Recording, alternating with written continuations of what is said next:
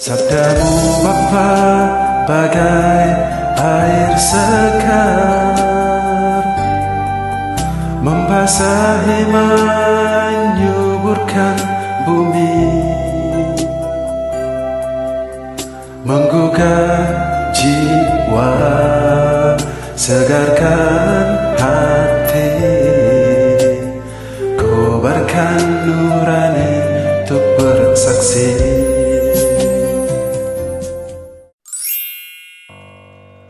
Sekali peristiwa, Yesus mengutus murid-muridnya mewartakan Injil. Setelah menunaikan perutusannya, mereka kembali berkumpul dengan Yesus dan memberitahukan kepadanya semua yang mereka kerjakan dan ajarkan. Lalu Yesus berkata kepada mereka, Marilah kita pergi ke tempat yang sunyi supaya kita sendirian dan beristirahatlah sejenak. Sebab memang begitu banyaknya orang datang dan pergi sehingga makan pun mereka tidak sempat. Maka pergilah mereka mengasingkan diri dengan perahu ke tempat yang sunyi. Tetapi pada waktu mereka bertolak, banyak orang melihat dan mereka mengetahui tujuannya. Dengan mengambil jalan darat, segeralah datang orang dari semua kota ke tempat itu, dan mereka malah mendahului Yesus dan murid-muridnya.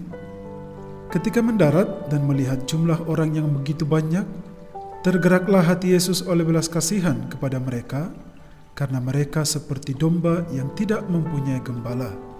Lalu mulailah ia mengajarkan banyak hal kepada mereka.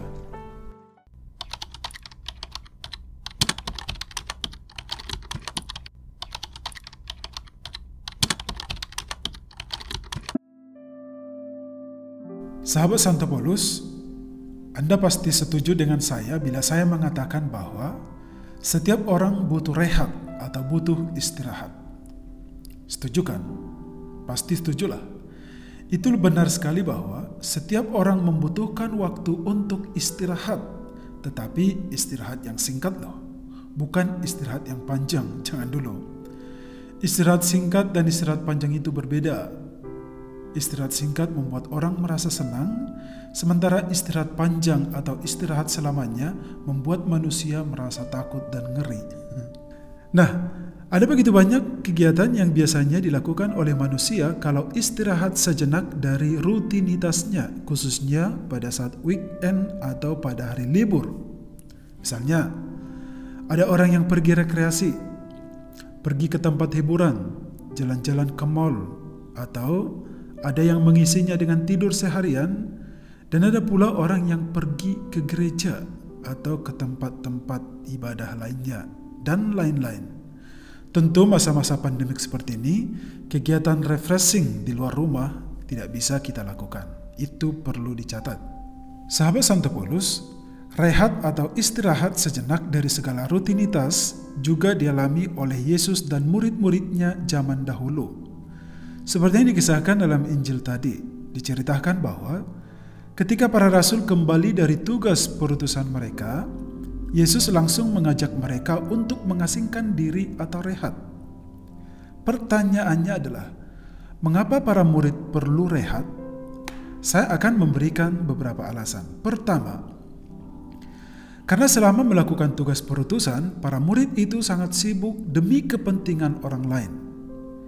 Dalam kisah Injil sebelum kisah Injil yang saya bacakan tadi dikisahkan bahwa Yesus mengutus para murid pergi berdua-dua. Ketika mereka diutus, mereka tidak boleh membawa apa-apa dalam perjalanan dengan maksud agar mereka fokus di dalam perutusan itu.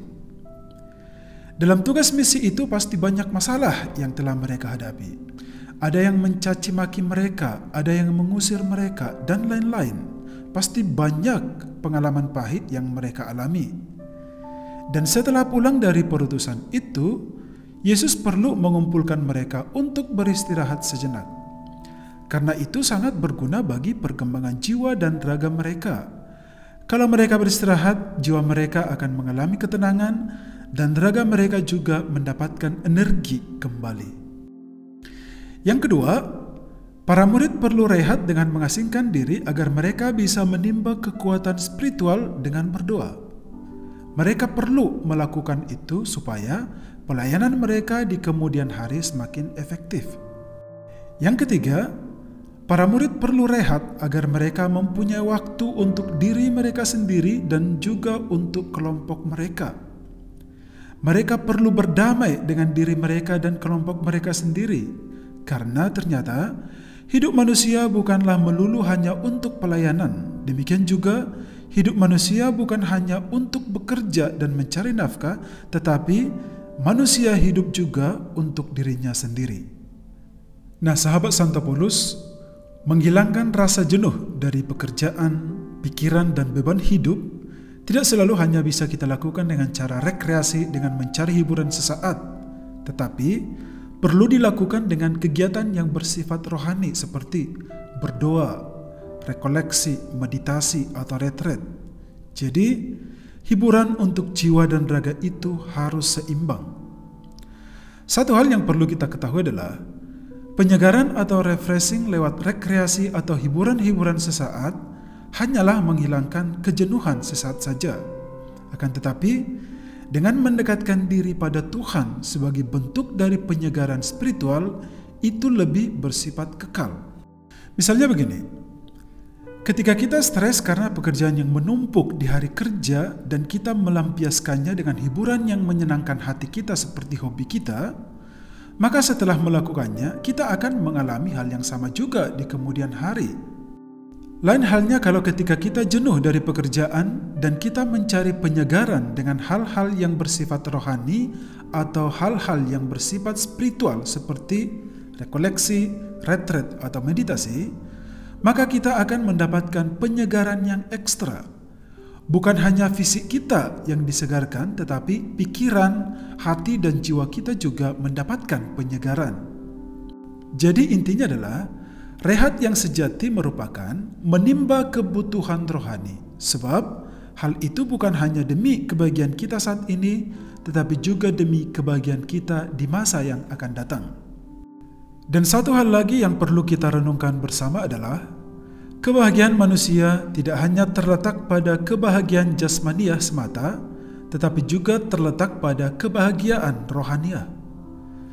Setiap hari kita selalu sibuk dengan pekerjaan kita demi kebahagiaan jasmaniah kita dengan mencari rejeki sebanyak-banyaknya, tetapi kadang-kadang kita lupa akan kebutuhan kebahagiaan rohaniah kita. Sahabat Santo Paulus, janganlah kita sampai melupakan kebutuhan jiwa kita ini. Karena sama seperti tubuh manusia membutuhkan nutrisi berupa makanan dan minuman supaya bisa hidup, demikian juga jiwa kita ini membutuhkan nutrisi rohani supaya jiwa kita mengalami ketenangan dalam hidup. Ketenangan itu tidak hanya kita rasakan saat ini saja, tetapi juga akan kita rasakan di masa yang akan datang. Oleh karena itu, marilah kita selalu berusaha memberikan nutrisi yang terbaik bagi kebutuhan jasmania kita, dan juga bagi kebutuhan rohaniah atau jiwa kita ini. Atau seperti istilah keren saat ini adalah tingkatkan imun dan tingkatkan imanmu. Amin.